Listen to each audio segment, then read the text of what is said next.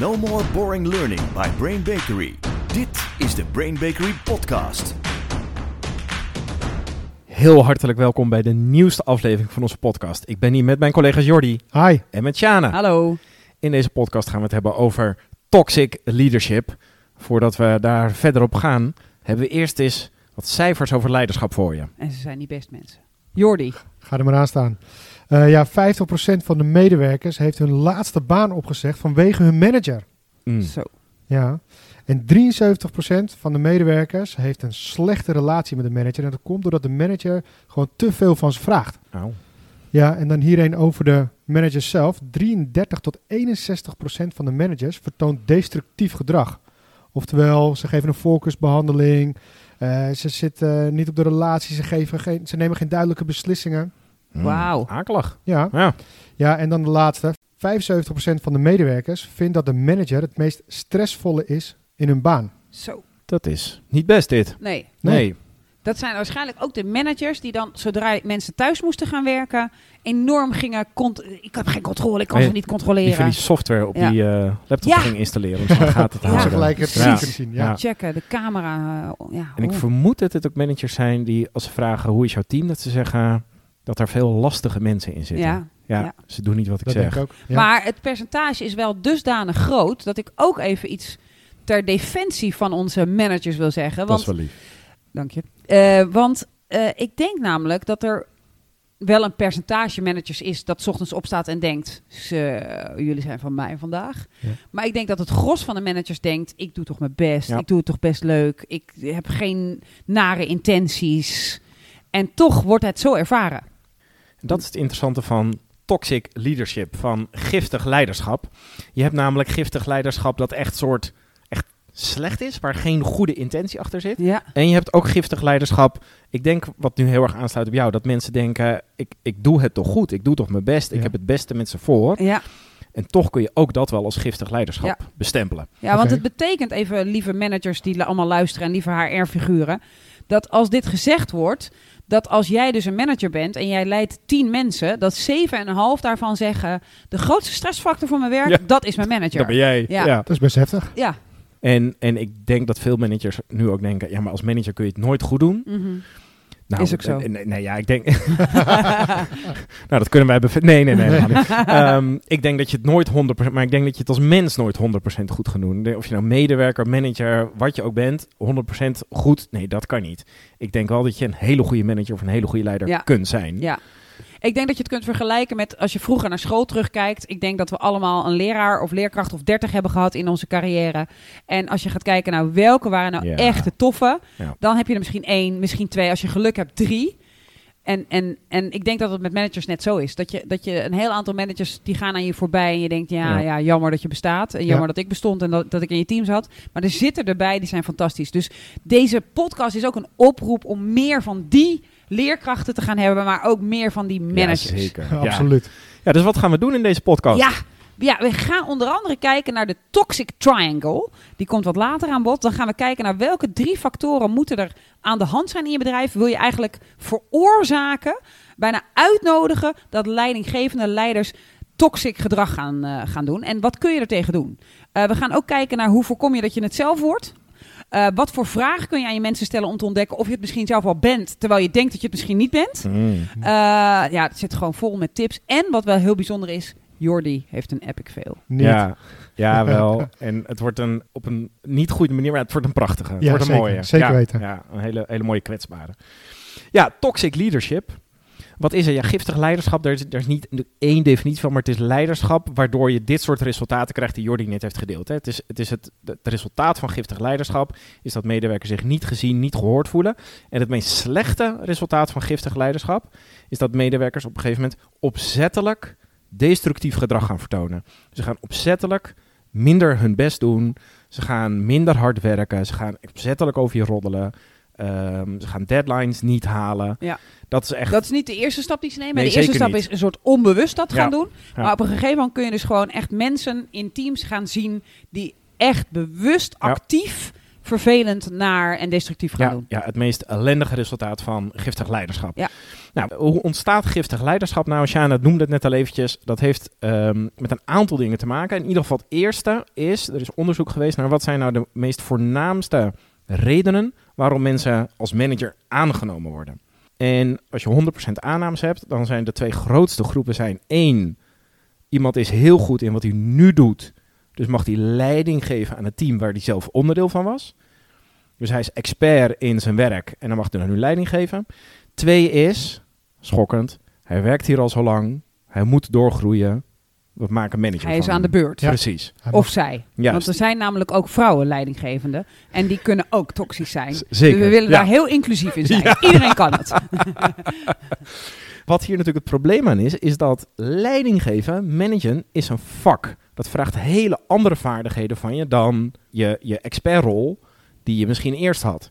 Dus als jij manager wordt terwijl je dat niet kunt, dan kan het dus zo zijn dat je denkt, ik doe toch mijn best, terwijl je toch een giftig leiderschap bezig bent. En vaak krijg je dan misschien wel een opleiding van twee dagen. Ja. Om te leren om te managen. Terwijl managen is echt een totaal vak. Ja. Mensen die echt goed zijn in managen, die zijn echt fantastisch. En die halen meer uit hun team. Iedereen is blij, komt met vleugels om naar zijn werk. En eh, durft te experimenteren, durft fouten te maken. Dus je kunt heel goed... Ik, je kan het bijna proeven als je een afdeling oploopt. Dat je proeft, is het hier echt... Ja. Zit hier die, die goede Ja. vibe? En dan weet je bijna altijd dat het de manager is. En is het, of is hier niet die goede vibe? Dan weet je ook bijna altijd dat het de manager is. Vis begint te rotten Bij de bij kop. de kop. Zeker weten. Dus oorzaak 1 is de verkeerde mensen worden aangenomen. Oorzaak 2 heeft te maken, Shana noemde, met de toxic triangle. En de toxic triangle is, is een soort de sfeer, de cultuur in het bedrijf. En die bestaat uiteraard uit drie elementen, vandaar een driehoek. En eh de eerste element is, er is een s- algemene slecht feedback, een slecht HR-klimaat. Waarin mensen niet goed aangesproken worden op gast, wat zit je nou, wat zit je nou te doen? Of ik hoor heel veel geluiden uit je team, er moet iets aan de hand zijn. Ik zag iemand huilen in je team. Precies. Wat, wat ben je aan het doen, joh? Ja. Ja. Nummer twee is, er zijn veel medewerkers die makkelijk meelopen met mensen. Mm. Die makkelijk beïnvloedbaar zijn, die dus niet kritisch zijn op wat gebeurt er, hoe wordt er leiding gegeven, hoe wordt er aan mij sturing gegeven. Mm.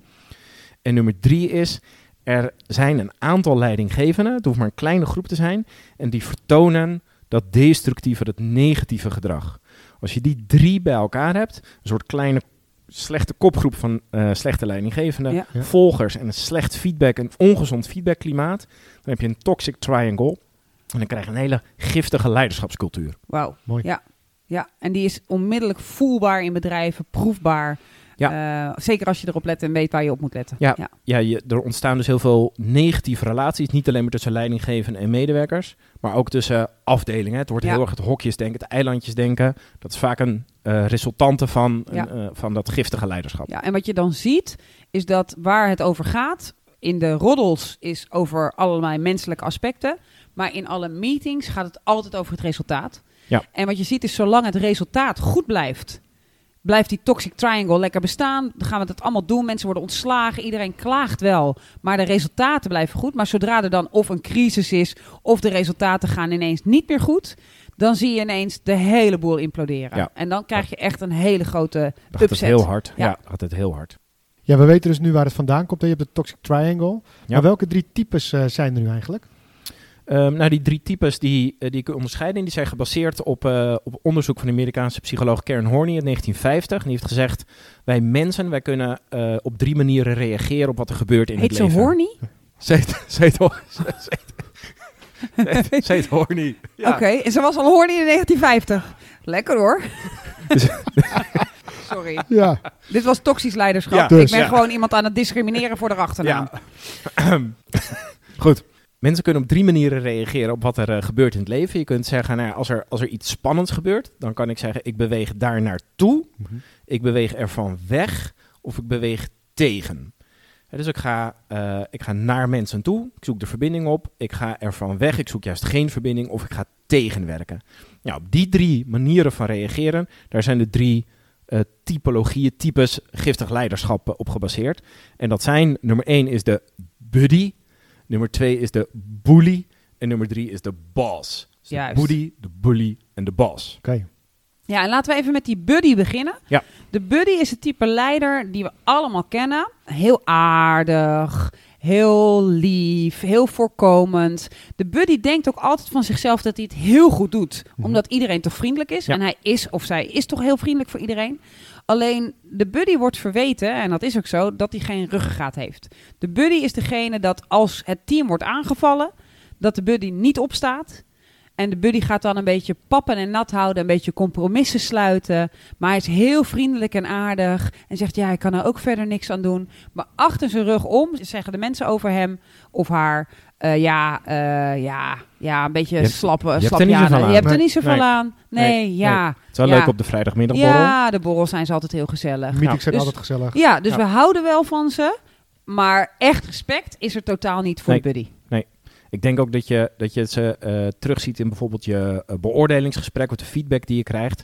Dat dat, dat dat ook niet heel erg inhoudelijke feedback is. Nee. Want, want dat, Beetje lauw. ja, de buddy Ja. is dus het bewegen naar. Ja. En die vindt dat spannend. Ja.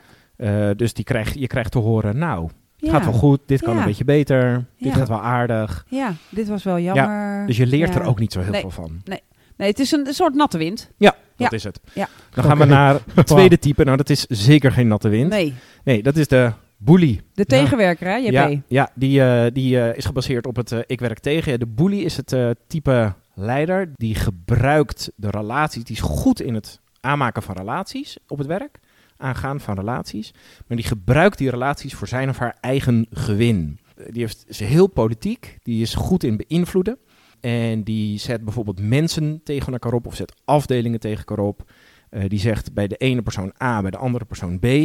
Dus die herken je heel erg in het, in het achter de ellebogen, in het politieke spel. Ja, mensen zeggen over de bully niet te vertrouwen. Ik heb dat eh, in privé gedeeld en ineens wordt het tegen me gebruikt. Dus mensen vinden het wel fijn. Ze krijgen wel dingen voor elkaar. Hè. Het zijn een soort winnaars. Ze, Ja. zijn, ze zijn wel Ja. vooruit aan het Als, als, bewegen. als je dus bij de, bij de, de goede mensen hoort Ja. van de bully, als je in het goede kamp zit, Ja. dan heb je een daadkrachtige, sterke leider aan Precies, maar Ja. mensen die aan de slechte kant zitten, die dus een soort misbruik worden, die zouden nog steeds wel zeggen, ja, maar de afdeling heeft wel succes. We bewegen wel vooruit, we hebben wel aanzien in het bedrijf. Maar dat, die, dat aanzien is gebaseerd op angst en niet op respect. Dat is onze bully. Het derde type is de bos. Ja, de bos die beweegt natuurlijk weg. En die zit op zijn eh, kantoor, die kijkt naar de cijfers, naar de getallen. Juist. Denkt, ja, relaties, die heb ik helemaal niet nodig, want mijn cijfers spreken voor zich. Ehm, Zakelijk. ja, Ja. heel taakgericht. Ja. Dat is echt de bos. Ja, Ja. die zit daar op je kantoor. Dus ik denk dat, dat mensen over die bos, dat ze als ze al over hem spreken, dat ze zeggen, ja, ik zie hem eigenlijk niet. Betrokkenheid nul. Hij Nee. weet niet dat mijn moeder stervende is. Hij heeft nog nooit gevraagd naar hoe het nu met mijn man is, nu die werkeloos is. Het gaat altijd over de cijfers. Het gaat Ja. over de cijfers en de taken. Ze Loopt staan er langs. wel op Ja. het moment dat er een, een, een woord wordt uitge, eh, uitgereikt. Dan zijn ze er wel. Ja. Maar dan kijken ze eigenlijk aan, oh, hoe heet je ook alweer? Hè, dus Ja. die, die, dat zijn echt de types die zien mensen als human resources. Ja, klopt. Ja, ze hebben veel inhoudelijke kennis. Dus mijn aanname, dit is niet onderzocht, maar mijn aanname is, ik noemde net die twee oorzaken, eh, of die twee hoofdmotieven waarom mensen leidinggevende worden. Eén daarvan was, hij doet zijn werk inhoudelijk goed en mag nu leiding geven. Nou, als je verder weinig vaardigheden hebt ontwikkeld, eh, die horen bij leiding geven. Ik denk dat je snel een bos wordt, Ja. omdat je heel erg op de inhoud zit en Ja. op de Nee, maar je ziet het ook bij heel veel jonge mensen, nieuwe managers. Die denken van ja, in mijn gewone werk moest ik altijd dit taakje doen. En nu ben ik, bo- ben ik paasje. Ja. Dus moet ik in een kantoor zitten en naar Excel sheets. Eh, Dus het is ook wel de, taakje. Ja, het is mijn, de letterlijke interpretatie van being a boss is niet leuk doen tegen je mensen en zorgen dat iedereen wint en iedereen blij is en het beste uit zichzelf haalt. Maar ja, de definitie van een baas is zorgen dat de resultaten geproduceerd Ja. worden. En als je Ja. daar eenmaal in zit, ja, dan ben je ook niet geïnteresseerd in je mensen. Ja, ik ben even benieuwd naar de drie types. Hè. Eh, ze zijn alle drie namelijk slecht. Maar welke zou je nou het minst slecht kunnen noemen? Oeh. Mm. JP, wat vind Ja. jij? Ik zou dan voor de buddy kiezen. Die vind je het minst slecht. Ja. Vertel, waarom? Ja, omdat de buddy in ieder geval zorgt voor de fijne relaties, voor de saamhorigheid, voor dat mensen zich gezien en erkend voelen. Eh, hij is niet heel besluitvaardig en daadkrachtig. Ik denk niet dat... dat- ze zich gezien en erkend voelen. Denk je dat niet? Nee, Nee? ik denk wel dat, ze- dat hij betrokken is of zij betrokken is bij hun leven. Ja. Maar niet dat hij ziet wat een inspanning soms voor iemand kost. Ik Ja. denk dat hij daar Hmm. een beetje aan voorbij gaat. Dus het echt je gezien weten en iemand die voor je vecht en voor je staat, Mhm. dat voel je niet. Dus ik Hmm. zou kiezen voor de bos. Natuurlijk. En waarom dan? ik ben benieuwd waarom. Ja. Nou ja, ik denk dat je dan. Ik denk dat wat er gebeurt onder een bos is dat de relaties onderling sterker worden. Dus dat het team eigenlijk versterkt wordt, omdat ze eigenlijk een nare afstandelijke leidinggevende hebben. Mhm. En ik denk dat er ook wel wat begrip kan ontstaan in het team van, nou ja, he just cares about the numbers. Ja, not about me. Ehm, dus ik denk dat dat handiger is om mee te dealen dan zo'n half zachte, natte scheet. nou, ik, ja, ik proef licht, licht persoonlijk allergietje bij je. Ja, Eh, ik bij jou niet. ik denk wel dat het van het type persoon in de teams afhangt. ja. Absoluut. Als het een mensgericht mens is, Ja. die wil de buddy. Taakgericht mens kan, kan best met een bos dealen. Ja. Ja. Blijft toxic. Dat klopt. Ja. Ja. Dus ben jij wat mensgerichter dan ik dan? Ik ben misschien wel iets mensgerichter, iets mensgerichter dan jij. Echt? Jordi, wat zei jij Nee, dan? ja, wat zei jij dan? over mij eh, niet hebben. Ja. ja. als mensgericht mens, ja, ik zou kiezen voor de buddy. Mm. Ja, als minst slecht. Dus nu we de drie types weten, we weten ook dat het door het eh, verkeerd aannamebeleid kan komen en door eh, de toxic triangle. Er is nog een derde reden waardoor dit kan ontstaan. Ja. En dat is de power paradox. Wat je ziet, ehm, en dat is echt een super interessant, raar fenomeen, is dat als je voor het eerst benoemd wordt als leidinggevende, dat die kwaliteiten die jou de benoeming hebben bezorgd, de eerste zijn waar je bijna mee stopt zodra je benoemd bent. Zo. Ik zal dit nog eens even uitleggen. Ja. Ja. Het is een soort omgekeerd evenredig. Namelijk die dingen, en eh, vaak zie je dat mensen geselecteerd worden op luistert goed naar de groep, ligt goed in het team, is empathisch. Dit zou wel eens een leider kunnen zijn. Als iemand op basis daarvan benoemd wordt, dan zie je vervolgens zodra de benoeming er is, dat ze denken: oké, nu moet ik in een ander keurslijf. Hè? Dus het is niet Ja. een slechte intentie, maar het is wel wat er gebeurt. Dat ze als eerste hun empathie en hun luisteren naar beneden laten zakken. Dat ze denken van nou, dat is nu niet meer nodig. Dat had ik nodig toen ik in het team zat. En dat is de power paradox. Zodra je dus power krijgt, ja, is het wel een beetje dat. verslavend. En denk je van nou, laat maar een beetje zitten. Dat is dus een menselijke reactie. Ja. Ja, Macht dus- corrompeert, hè? daar zit hij eigenlijk ook ja, al in. precies. Dat Die- weten we die al dus jaren. niet intentioneel is. Je denkt niet, ha, nu ben ik de baas, Nee. nu ga ik lekker naar zitten doen. Nee, zeker niet. Maar het is inderdaad, dat, dat blijkt uit het onderzoek, zodra je het gevoel hebt, ik heb nu macht, gebeurt er toch Ja. iets met je. Ja. en gebeurt er ook iets met de mensen die zien dat jij macht hebt. Ja. Het komt in dat Ja. geval ook van twee kanten. Maar het gaat nu over de verantwoordelijkheid van de leider. Dus we gaan nu niet ineens anderen de schuld geven, JP. right, dus toxic leadership. En dan is natuurlijk de vraag, is er ook antigift? Is er ook een antidote against this? Wat, hoe voorkom je dit als je er middenin zit? Hoe, hoe werkt dit? Ja, nou, er is goed nieuws. Er is antigif. Kijk, Gelukkig. Het is helaas niet een of ander pilletje of dingetje dat je in kunt spuiten, maar er is antigif. Bijvoorbeeld als je nieuw komt in een organisatie en je ziet dat ze eigenlijk geen beleid hebben op eh, hoe selecteer Selectie, ik mijn ja. managers of, of hoe gaan we daarmee om. Nou, een van de allereerste dingen die ze moeten doen om eigenlijk te voorkomen dat het ontstaat, is dus heel goed naar je aannamebeleid kijken, Ja. naar de instrumenten die je nu inzet, om uit te vinden, heb ik hier te maken met, een, met iemand die goed leiding kan geven, Ja. met, een, met een goede leider. Ja, hoe zijn, zijn of haar people skills? Ja. Dat je dat, daar misschien meer gewicht aan Ja, gaat dus geven. dat, dat als je bijvoorbeeld een ontwikkelassessment doet of een, of een sollicitatieprocedure, dat je vooral goed kijkt naar hoe goed is iemands EQ ontwikkeld. Ja. Dus inderdaad de people skills, omdat je weet dat dat eigenlijk het belangrijkste onderdeel is van leiderschap. Ja. Ja, dus dat zou iets kunnen zijn om daar goed naar te kijken. Welke instrumenten zet ik in? Als je bezig bent in een organisatie, of vanuit HR, of vanuit management, of vanuit L&D, eh, met bijvoorbeeld talentontwikkeling, en dan zou je in ieder geval heel veel aandacht in je talententraject, in je, in je talent development programma, hieraan kunnen besteden. Ja. Daar zou je dus de mensen opdracht kunnen geven om te ontdekken welke Ja, type, Welke neiging heb ik? precies, welke Hè, als schouwt het, er in als het moeilijk wordt en ik ben een nieuwe leider, zie ik mezelf dan het meest een buddy worden? Zie Ja. ik mezelf het meest een bos worden? En zie ik mezelf het meest een bully worden? Heeft ook te maken met je kwetsbaar opstellen. Nou, vanuit je kwetsbaar opstellen zijn we aan het leren. Dus als je durft te bekennen, oeh, als ik giftig zou worden, Ja. wat ik niet wil, maar wat dus kennelijk wel kan, want het ko- overkomt er heel veel, dan zou die voor mij het meest aantrekkelijk zijn gezien mijn karakter, gezien mijn verleden. Eh, dan kun je namelijk ook early warning signals creëren. Dus, en ik zou die power paradox ook in ieder talententraject uitleggen. Dit is wat er gaat gebeuren Ja. nu jij een leider bent. Ja, we weten gewoon dat het gaat gebeuren. Ja. En daar dus zorgen dat je traject eigenlijk zo ingericht is dat terwijl die power paradox plaatsvindt, het liefst nog in dat traject zitten. Zodat je ze daarmee kan helpen. En het early warning signals en action planning kunt doen. Ja, zeker. Wat ook nog zou kunnen, dat is eh, vooral voor de situatie als er al toxic leadership aanwezig is in je organisatie. Ehm, dan kun je natuurlijk best wel een aantal dingen kijken. Ten eerste moet je je HR-beleid goed onder de loep houden. Hebben we goede vertrouwenspersonen? Zijn het ook de goede mensen? Weten mensen waar ze heen kunnen als ze er niet uitkomen met een manager? Hebben managers onderling bijvoorbeeld intervisiecontact of één op één gesprekken over hoe pak ik dingen aan? Is er een gezonde feedbackcultuur? Ja. Eh, worden- Kijken mensen mee met elkaars vergaderingen? Ja. Treden worden, ze daarin worden op? leiders aangesproken, niet alleen maar op hun resultaten, maar ook hoe ga ik om met mijn mensen.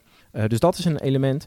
En je kunt uiteraard, we zijn L&D'ers, kijken naar ehm, hoe richt ik mijn leiderschapstrajecten in. Hè? Mijn, mijn leiderschapsontwikkeltrajecten. Besteed ik daar aandacht aan eh, gesprekstechnieken, aan resultaten? Of besteed ik daar ook aandacht aan ethisch handelen Ja. en zelfkennis?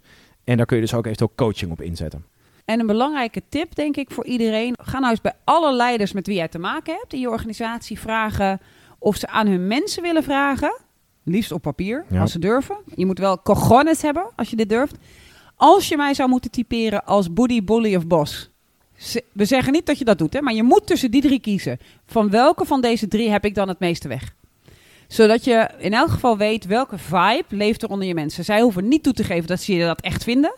Ze kunnen zich verschuilen achter, ja, ik moest kiezen uit Ja. drie. Maar dat je wel een signaal krijgt van waar zouden ze mij indelen? Waar neig Waar- ik naar? Ja. Waar neig ik volgens hun naar? Waardoor je daar misschien iets mee kunt.